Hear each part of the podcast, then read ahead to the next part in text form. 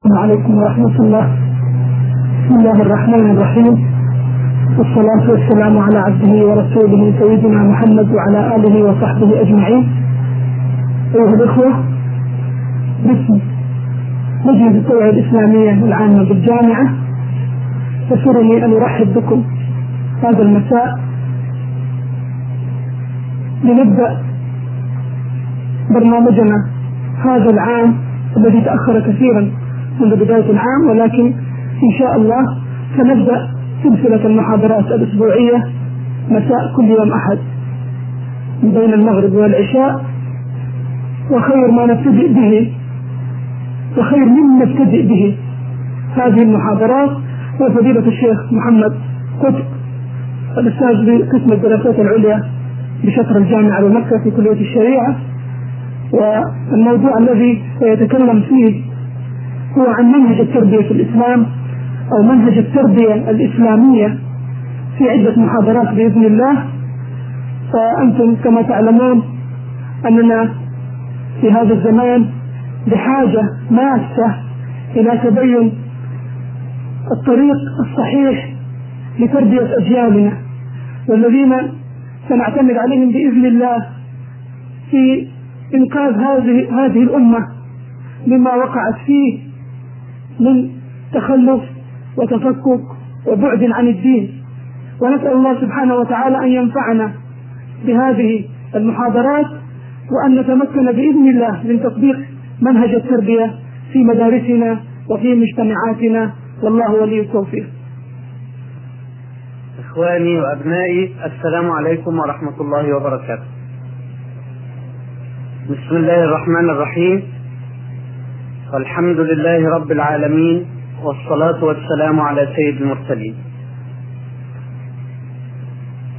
وبعد فيسرني أن أشكر الجامعة على دعوتها هذه لإلقاء هذه المحاضرات.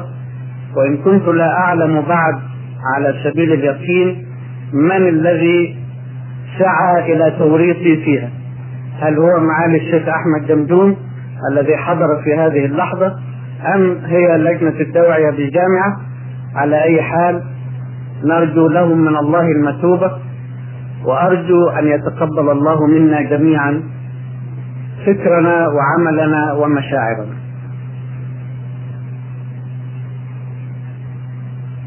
كانت الدعوة التي تلقيتها من معالي الشيخ أحمد جمدون أنه يريد مني سلسلة مع المحاضرات في موضوع التربية الإسلامية.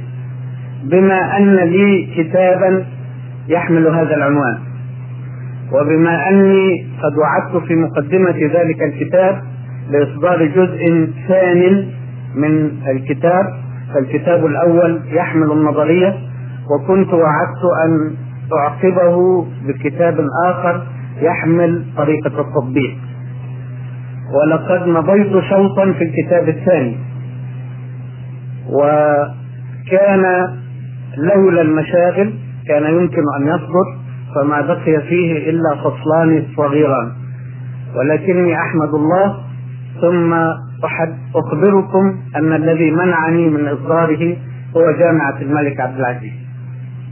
بما شغلت من جهدي ووقتي وبما لم تبق لي من الطاقة ما أكمل به ذلك الكتاب. فشكرا. موضوع التربية الإسلامية موضوع خطير ومهم لأننا لا نستطيع نحن البشر أن نكون مجتمعا بشريا حقيقيا بغير تربية. وطفولة الإنسان بالنسبة لعمره طويلة جدا. ولذلك يحتاج إلى التربية والتوجيه فترة طويلة من عمره بل هو في الحقيقة يحتاج إلى هذه التربية وهذا التوجيه كل حياته من المهد إلى اللحم. لكن إذا أدركنا أن صغار الحيوان يمرون بفترة طفولتهم بسرعة نسبية وأن الإنسان وحده من بين الكائنات التي نعرفها هو أطولها طفولة فالقط مثلا يتجاوز مرحلة الطفولة في شهرين أو ثلاث وعمره يبلغ عشر سنوات في المتوسط. فإذا قستم النسبة بين طفولته أي ثلاثة أشهر أي ربع سنة وقستم طول عمره لوجدتم فترة الطفولة حوالي واحد على أربعين جزءا من عمره. أما الإنسان الذي يعيش حياة متوسطها ستون عاما فإن طفولته تستغرق حوالي اثنتي عشرة سنة. أي خمس عمره خمس عمره فترة لازم فيها التربية والتوجيه. فضلا عن أن بقية المراحل حتى يصل الإنسان إلى الكهولة تحتاج أيضا إلى توجيه ومتابعة. لكن الفترة التي تحتاج بصفة مركزة إلى التربية والتوجيه هي فترة الطفولة وهي كما قلت تبلغ حوالي خمس عمر الإنسان يعني فترة طويلة. وليس هذا مستغربا فإن حياة الحيوان محدودة وآفاقه محدودة والأعمال التي يقوم بها محدودة. لكن الإنسان الذي كرمه الله وفضله ولقد كرمنا بني آدم وحملناهم في البر والبحر ورزقناهم من الطيبات وفضلناهم على كثير ممن خلقنا تفضيلا. والذي جعل خليفة وإذ قال ربك للملائكة إني جاعل في الأرض خليفة. والذي اختص وحده بحمل الأمانة إنا عرضنا الأمانة على السماوات والأرض والجبال فأبين أن يحملنها وأشفقن منها وحملها الإنسان. هذا الكائن المتفرد في خلق الله آفاقه واسعة وعريضة والأعمال التي يقوم بها كثيرة ومتعددة والخبرات التي يحتاج إليها عديدة جدا. لذلك كان في حكمة الله أن فترة طفولته طويلة جدا أطول من بقية الكائنات لتكون هذه فرصة لتدريبه وتوجيهه وتربيته حتى يشب على نهج صالح. ومنهج التربية الإسلامية المنهج الرباني هو الذي أنشأ تلك الأمة التي وصفها خالقها بقوله سبحانه كنتم خير أمة أخرجت للناس. تأمرون بالمعروف وتنهون عن المنكر وتؤمنون بالله. والعبارة القرآنية تفيد أن هذه الأمة هي خير أمة في تاريخ البشرية كلها. لأنها مطلقة. كنتم خير أمة أخرجت للناس. فهذه الخيرية التي تمثلت في هذه الأمة وهذه الأمثلة الرائعة الفريدة التي لا مثيل لها في التاريخ والتي زخرت بها الفترة الأولى من تاريخ الإسلام. كيف جاءت؟ كيف تمت؟ إنها تمت بالتربية الإسلامية. لقد كان الجيل الأول من المسلمين هو ذاته الذي شهد الجاهلية. هو نفسه الذي عاش في هذه الجزيرة في جاهليته. وهو ذاته الذي تحول من ذلك الشتيت المتناثر الذي لا تجمعه رابطة ولا آصرة إلى تكوين أمة ليست فقط أنها أمة بل هي خير أمة أخرجت للناس. فكيف تم هذا التحول؟ التحول الذي لا مثيل له في التاريخ. كيف تم نقل هذا الشتات الذي كان متمثلا في القبائل المتناحرة التي لا يجمعها شيء مع وجود كل المناسبات والظروف التي كانت تفرض الوحدة؟ وحدة اللغة قائمة وحدة الجنس قائمة وحدة الأرض قائمة وحدة التاريخ قائمة وحدة المصالح قائمة ومع ذلك لم يتكون في هذه الأرض شعب ولا أمة. ثم تحول بالقرآن العظيم وبالرسول العظيم عليه الصلاة والسلام تحول من هذه الصورة المتخلفة متخلفة إنسانيا متخلفة حضاريا متخلفة شعوريا متخلفة فكريا متخلفة في كل جانب من جوانب الحياة إلى الأمة التي لا مثيل لها في تاريخ البشرية. ما هو العنصر الذي نقل هذا الخلق من حالتهم هذه إلى تكوين طفرة أو ما يشبه الطفرة إلى تكوين أمة يصفها الله سبحانه وتعالى بهذا الوصف الرباني كنتم خير أمة أخرجت للناس والله سبحانه وتعالى لا يعطي هذا الوصف اعتباطا. حاشا لله أن يكون كلامه أو حرف من كلامه اعتباطا. فحين يصف الله هذه الأمة بأنها كانت خير أمة فهو وصف حق وصف تستحقه هذه الأمة استحقاقا كاملا. كيف انتقلت من ذلك الشتات الذي لا يمثل شيئا والذي كان موضع سخرية الحضارات التي كانت على جانبيها حضارة فارس وحضارة الروم كانوا يسخرون بسكان الجزيرة ويعدونهم من سقط المتاع. كيف صاروا؟ سادة الدنيا لا بالسلاح فقط ولا بالمادة فقط ولا بكذا ولا بكذا مما يعرفه الناس في واقع أرضهم الصغير لكن كما قال الله سبحانه وتعالى في بعد معركة أحد ولا تهنوا ولا تحزنوا وأنتم الأعلون إن كنتم مؤمنين.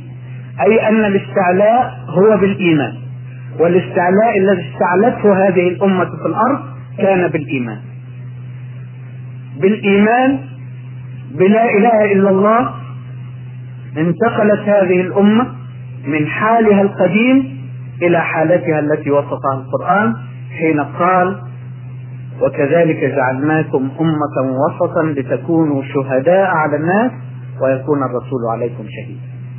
فهذه الأمة ليست فقط أنها خير أمة في ذاتها ولكنها أيضا مكلفة تكليفا لم تكلف به أمة من قبل بما في ذلك الأمة الأمم المؤمنة في سجل التاريخ كله لقد كانت الأمم السابقة كلها تكلف أن تؤمن وأن تستقيم في ذاتها. أما هذه الأمة التي أرسل إليها الرسول الخاتم عليه الصلاة والسلام ونزل عليها المنهج الكامل اليوم أكملت لكم دينكم وأتممت عليكم نعمتي ورضيت لكم الإسلام دينا. هذه الأمة لم تكلف فقط أن تعيش في حدود ذاتها وأن تستقيم لنفسها ولكن تستقيم لنفسها وللبشرية كلها. تهتدي وتهدي البشرية.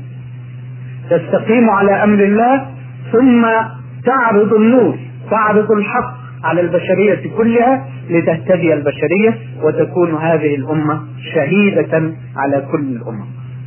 في الأرض وفي يوم القيامة. كل ذلك تم من غير سحر. ليس هناك عنصر سحري في قيام هذه الأمة. كلها أمور مكشوفة وكلها سائرة على سنن. سنن ربانية واضحة يحدثنا الله عنها في كتابه الحكيم ويحدثنا عنها لنتعرف عليها لنطبقها لنستقيم على أمره. ليس هناك عنصر واحد خارق للطبيعة كما يقول العقل الأوروبي الجاهلي يسمي السنة الربانية الخارقة يسميها خارق للطبيعة. ليس هناك شيء خارق في حياة هذه الأمة لا نملكه نحن اليوم. ما الخارق في حياة هذه الأمة؟ الكتاب المنزل من عند الله والكتاب بين أيدينا الشيء الثاني أو العنصر الثاني الذي كان له تأثيره في حياة هذه الأمة أو في حياة الجيل الأول هو شخصية الرسول عليه الصلاة والسلام.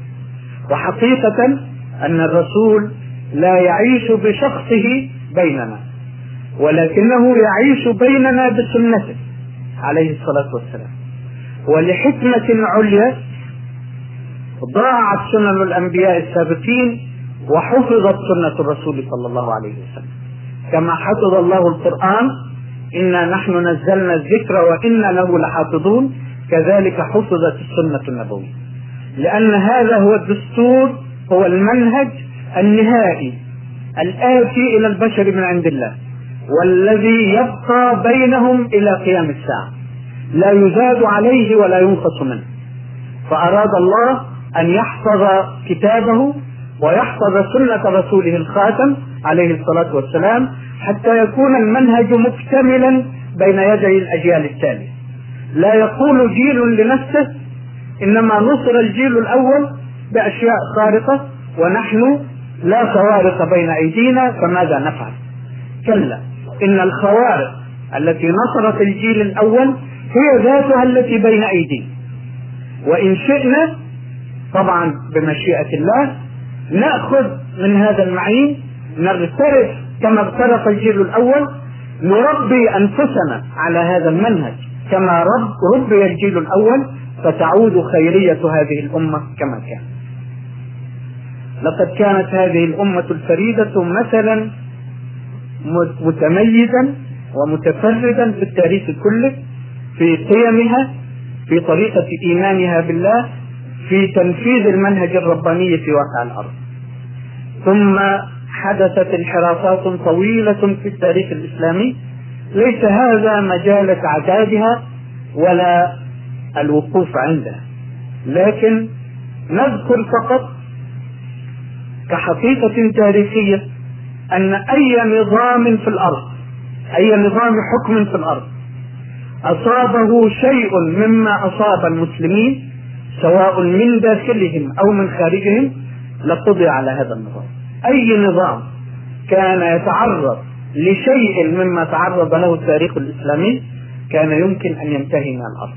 لكن هذا الدين وأتباعه تلقوا من الضربات من داخل العالم الإسلامي ومن خارجه ما كان يمكن أن يقضي عليه لو أنه نظام بشري. ولكنه ما زال قائما إلى هذه اللحظة. رغم الانحرافات العنيفة الجائرة التي وقع فيها المسلمون خلال أربعة عشر قرنا وما زال في قدرة المسلمين أن يعيدوا سيرتهم الأولى. ما زال في قدرتهم أن يبعثوا التاريخ مرة أخرى. لماذا؟ لأن الأصول التي يتمثل فيها هذا الدين محفوظ. بينما ضاعت أصول الرسالات السابقة بقيت أصول هذه الرسالة. ثم لسبب آخر من بين أسباب كثيرة أن هذا الدين لم يكن قط نظريات ومثلا معلقة في الفضاء. إنما كان واقعا تاريخيا استغرق قرونا طويلة من واقع الأرض. فالرجوع إليه سهل.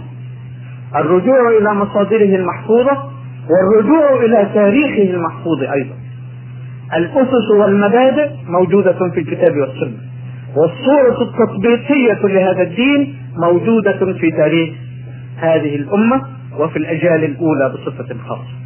فأي جيل من المسلمين يريد أن يعود فما عليه إلا أن يتوجه وأن يصدق النية يصدق الله نيته ثم يجد المصادر بين يديه متمثلة في الكتاب والسنة ومتمثلة في التاريخ الأول لهذه الأمة.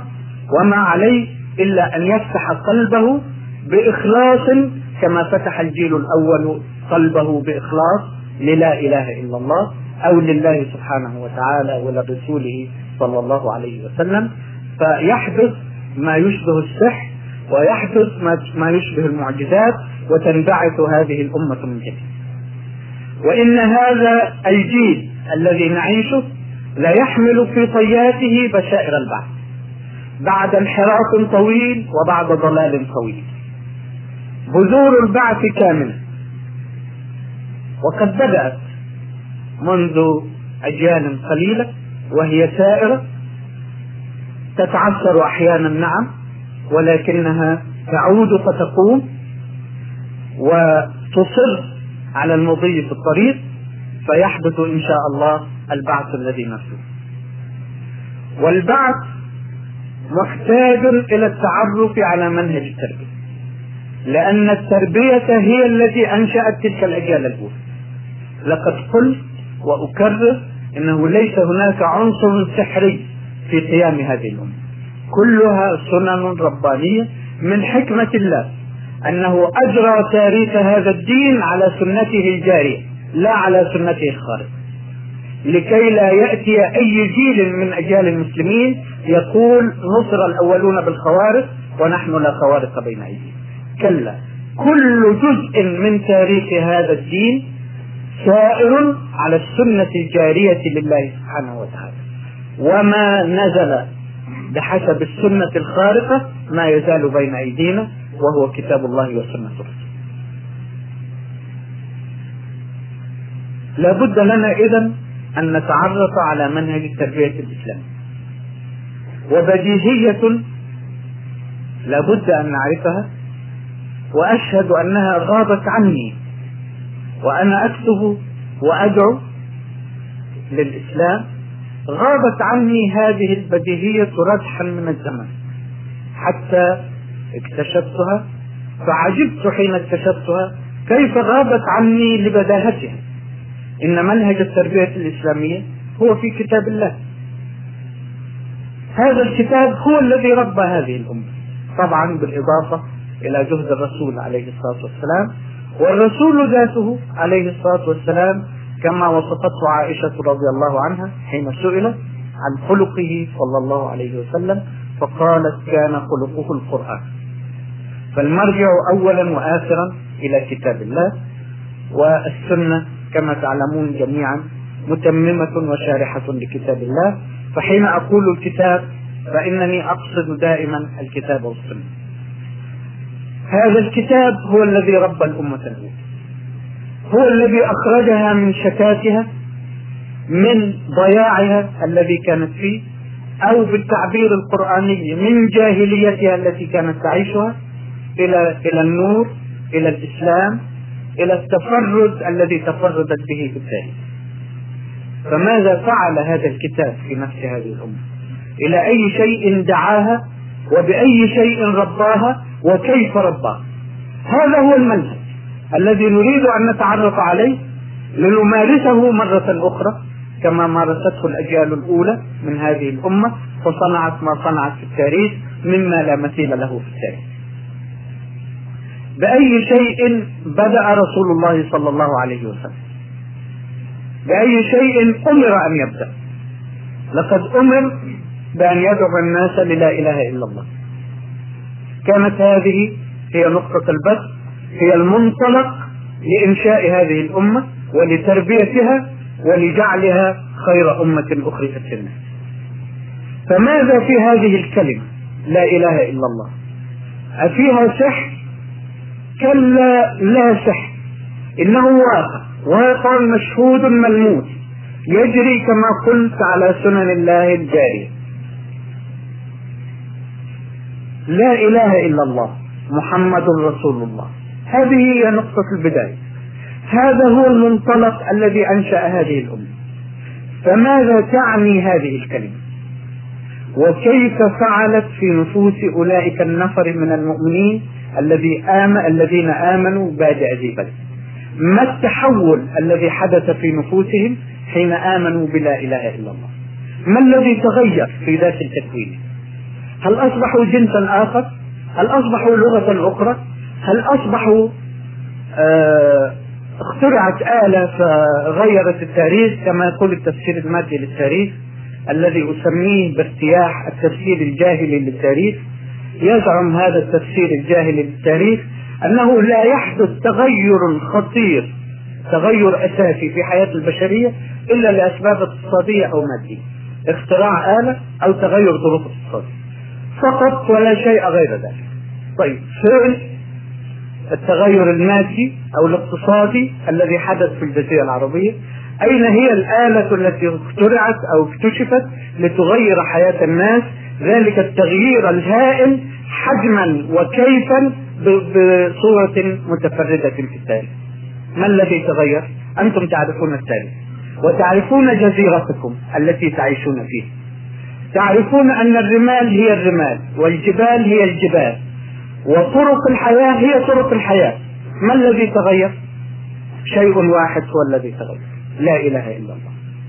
كانت هناك آلهة متعددة يعبدها الناس ويدينون لها بالعبودية ثم عرفوا أنه إله واحد. هذا هو الذي تغير في حياتهم. وهذا الذي بعثهم في انطلاقتهم الكبرى يكتبون ذلك التاريخ الذي لم تكتبه أمة في التاريخ. أي شيء في لا إله إلا الله يصنع كل ذلك. هل هي الأصوات التي يخرجها اللسان لا إله إلا الله؟ هل ترداد هذه الأصوات هو الذي أنشأ الأمة وهو الذي كتب التاريخ وهو الذي أحدث هذا التحول الهائل؟ أم إنه مدلول لا إله إلا الله ومقتضى لا إله إلا الله؟ والتزامات لا إله إلا الله وأخلاقيات لا إله إلا الله ومنهج لا إله إلا الله. والله لو أنها الكلمة ما قاتلت قريش محمدا صلى الله عليه وسلم. فلما تقاتل؟ تقول الكلمة وتنتهي. يقولون إن قريشا كانت تخشى على سيادتها السياسية والاقتصادية وأنها لذلك حاربت الرسول عليه الصلاة والسلام. ماذا كان عليها أن تقول الكلمة بلسانها وتظل معها سيادتها السياسية والاقتصادية؟ لقد أبت قريش أن تقول لا إله إلا الله لأنها تعلم معناه تعلم مدلوله ولم تكن قريش وحدها التي تعلم ذلك المدلول. لقد نزل هذا الكتاب بلسان عربي مبين. ولقد كان العرب يفهمون أسرار العربية. هي لغتهم التي يتحدثون بها. يعرفون سر حروفها وأصواتها. يعرفون مدلول كلماتها. سأل رجل رسول الله صلى الله عليه وسلم إلى أي شيء تدعو الناس؟ قال أدعوهم للا إله إلا الله. قال هذا أمر لا تتركه لك العرب. لماذا؟ هذا رجل بلغتنا الحديثة رجل من رجال الشارع. يقول للرسول عليه الصلاة والسلام هذا أمر لا تتركه لك العرب لماذا لا تتركه؟ لأي شيء اشتد الصراع بين الرسول الأعظم عليه الصلاة والسلام وقريش الجاهلية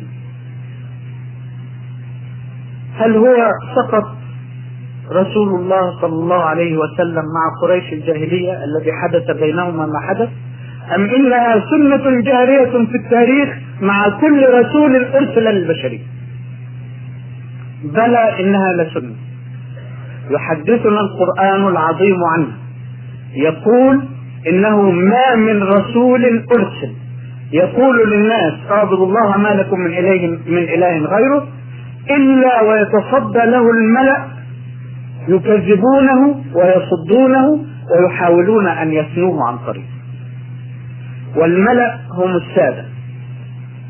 وكل مجتمع بشري جاهلي ينقسم إلى طبقتين سادة وعبيد في تاريخ الجاهلية كله بلا استثناء. في العهود الأولى كان آه على حسب التفسير المادي للتاريخ عصر الرق وعصر الإقطاع وعصر الرأسمالية وعصر الشيوعية الثانية والأخيرة هكذا يقول. في كل عصر من هذه العصور كان هناك سادة وعبيد ملأ ومستضعفين. بتعبير القرآن.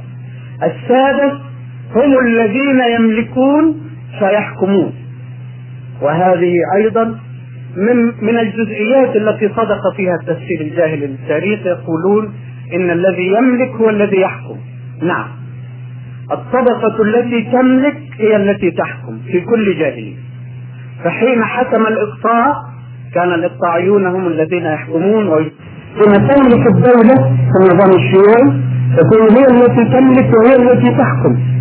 وبقية الشعب عبيد لابد في كل مجتمع جاهلي أن ينقسم إلى ملأ ومستضعفين أو إلى سادة وعبيد والملأ هم الذين يتصدون ذي بدء لدعوة الرسول الذي يقول لا إله إلا الله عليهم صلوات الله وسلامه. والمستضعفين أيضا يقاومون الدعوة. وهذا أمر عجيب. لأن الرسول المرسل من عند الله يجيء ليستنقذ هذا هذا هذا الغثاء البشري المستضعف يستنقذ من قبضة الملأ ويرد يرد إليه حريته وكرامته ومع ذلك فهم يقاومون فلننظر لماذا يقاوم الملأ ويقاوم العبيد دعوة لا إله إلا الله في أول عهد. وهي سنة جارية. لم تحدث لمحمد صلى الله عليه وسلم وحده إنما حدثت مع كل نبي من أول التاريخ إلى بعثة الرسول صلى الله عليه وسلم. الملأ يبدأون أولا يكذبون الرسول يقولون ساحر يقولون مجنون يقولون يريد الحكم يريد الملك يريد كذا يريد كذا يشنعون عليه يسيئون سمعته فإذا أصر على ما هو فيه يخجلون الناس عنه ويهددونهم ثم يهددونه هو فإذا أصر على ما هو فيه أحيانا ينفذون التهديد. آه لئن لم تنتهي يا نوح لنرجمنك. وفرعون يقول لموسى آه لئن اتخذت إلها غيري لأجعلنك من المسجونين. التهديد بالقتل أو بالسجن ثم التنفيذ في بعض الأحيان. لماذا ينطلق الملأ يعارض دعوة لا إله إلا الله. بهذه الضراوة وهذه القساوة من أجل الكلمة؟ ما كان أسهل أن يقولوا الكلمة. لكنهم يقاومونها بمدلول. إن مدلول لا إله إلا الله أنه لا يوجد إله في السماوات ولا في الأرض إلا الله. ولا يوجد معبود يستحق العبادة إلا ذلك الإله. ولا يوجد حاكم يحكم حياة البشر. أن يحل لها ويحرم أن يشرع لها أن يقول هذا مباح وهذا غير مباح إلا الله سبحانه وتعالى. من أجل ذلك يقاوم الملك. لأن الملك يملكون في أيديهم سلطة يحرمون بها ويحلون بغير سلطان من الله. ويستعبدون بها المستضعفين في الأرض. فإذا جاء النبي المرسل من عند الله يقول اعبد الله ما لكم من إله غيره. فكأنه يقول للملك لستم أصحاب حق فيما بين أيديكم من السلطه لا يحق لكم أن تشرعوا للناس لا يحق لكم أن تحلوا وتحرموا من عند أنفسكم. لا يحق لكم أن تتخذوا البشر عبيدا لكم. فهم عبيد لله وحده. هذا هو مطلوب لا إله إلا أي أنه بعبارة أخرى يجيء ليرد هذه السلطة المغتصبة إلى صاحبها الحقيقي إلى الله سبحانه وتعالى. وكما يفعل السارق حين يرى رجل الشرطة بالضبط يحس أن هذا الرجل جاء إليه هو ليأخذ ما سرقه ويرده إلى أصحابه. مع سارق أن الملأ ليسوا سراقا عاديين ولكنهم قطاع طريق وقاطع الطريق لا يهرب من الشرطي بل يتصدى له يحاول أن يعتدي عليه. فهذا هو الملأ في التاريخ الجاري. عصبة من البشر تدعي لنفسها الربوبية تدعي خصائص من خصائص الله سبحانه وتعالى. وفي مقدمتها حق التشريع حق التحليل والتحريم وحق استعداد الناس لأهوائهم ولمتواتهم ولمصالحهم. من أجل ذلك يحاربون لا إله إلا الله والداعي للا إله إلا الله. طيب فهمنا موقف الملأ ولماذا يشترطون في محاربة لا إله إلا الله؟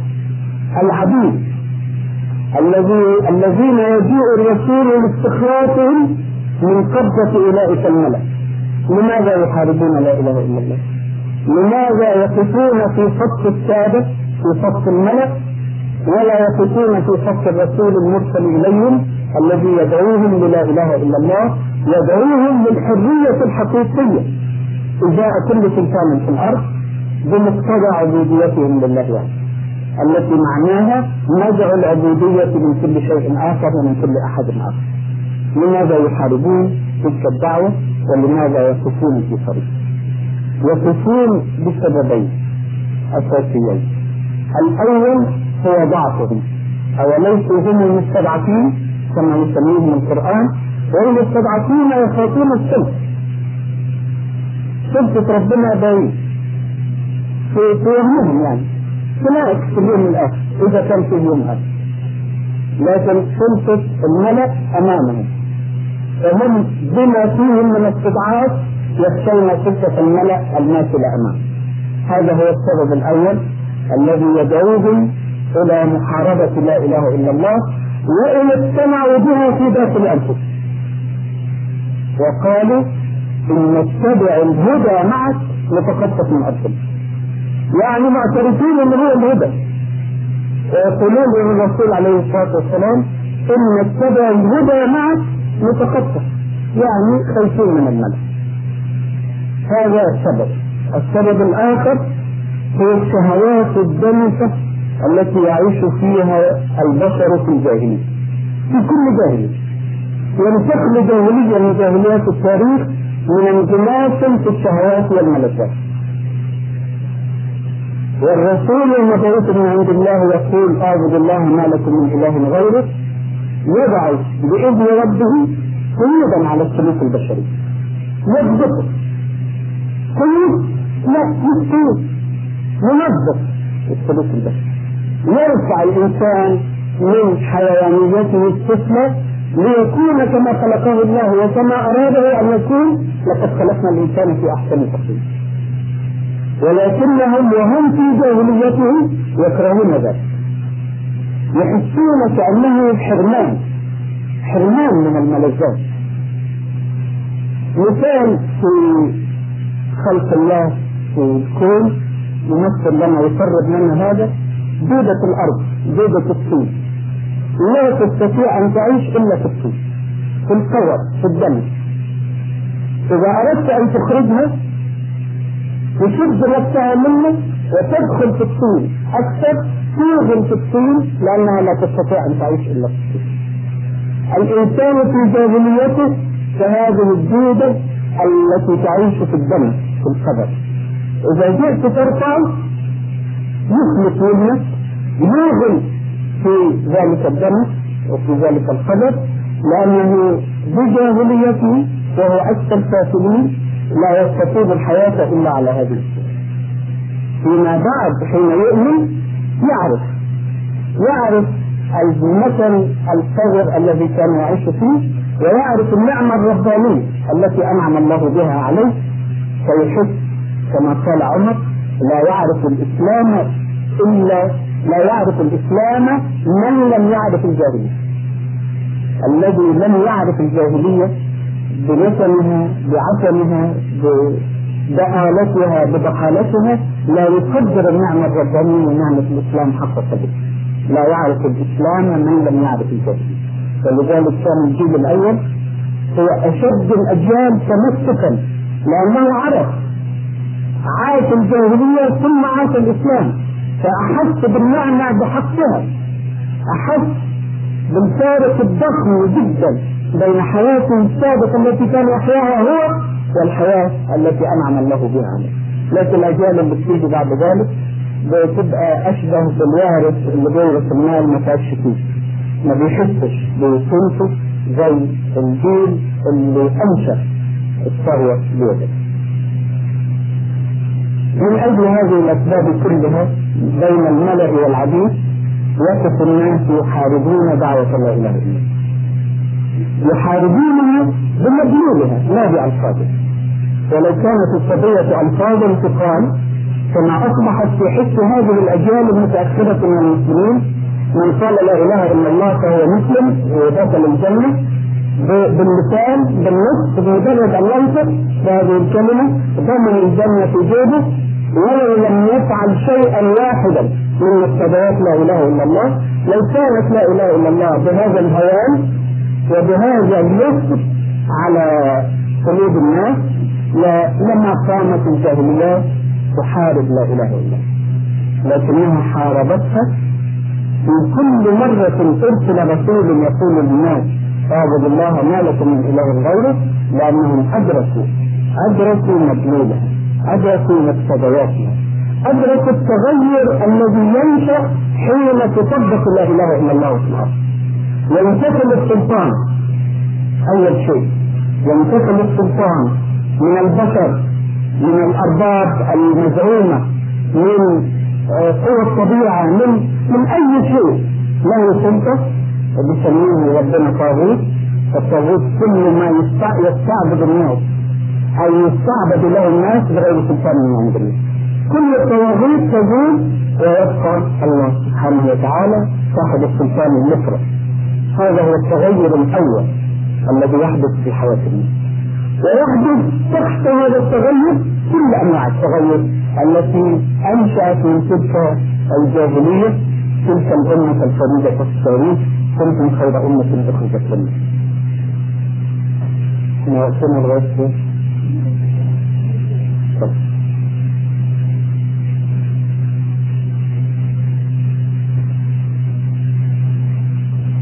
تقوم كتب التاريخ المزيفة ولا فخر واحد منها مصري ورئيسه هو الثاني من وضع دلة المستشار الانجليزي لوزارة المعارف المصرية وقت الاحتلال البريطاني؟ كان العرب في الجاهلية يعبدون الأصنام ويعبدون البنات ويشربون الخمر ويلعبون الميسر ويقومون بغارات السلب والنهب فجاء الإسلام فنهاهم عن ذلك. عبارة خبيثة جدا.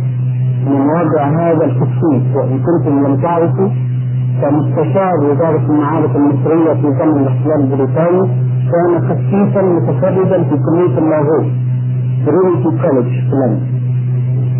جاء به كرومر المعتمد البريطاني ليضع منهجا تعليميا لبلد إسلام.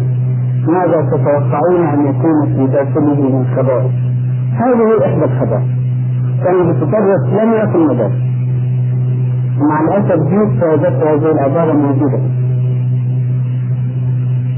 ما الخطأ وما الخطر في هذه العبارة؟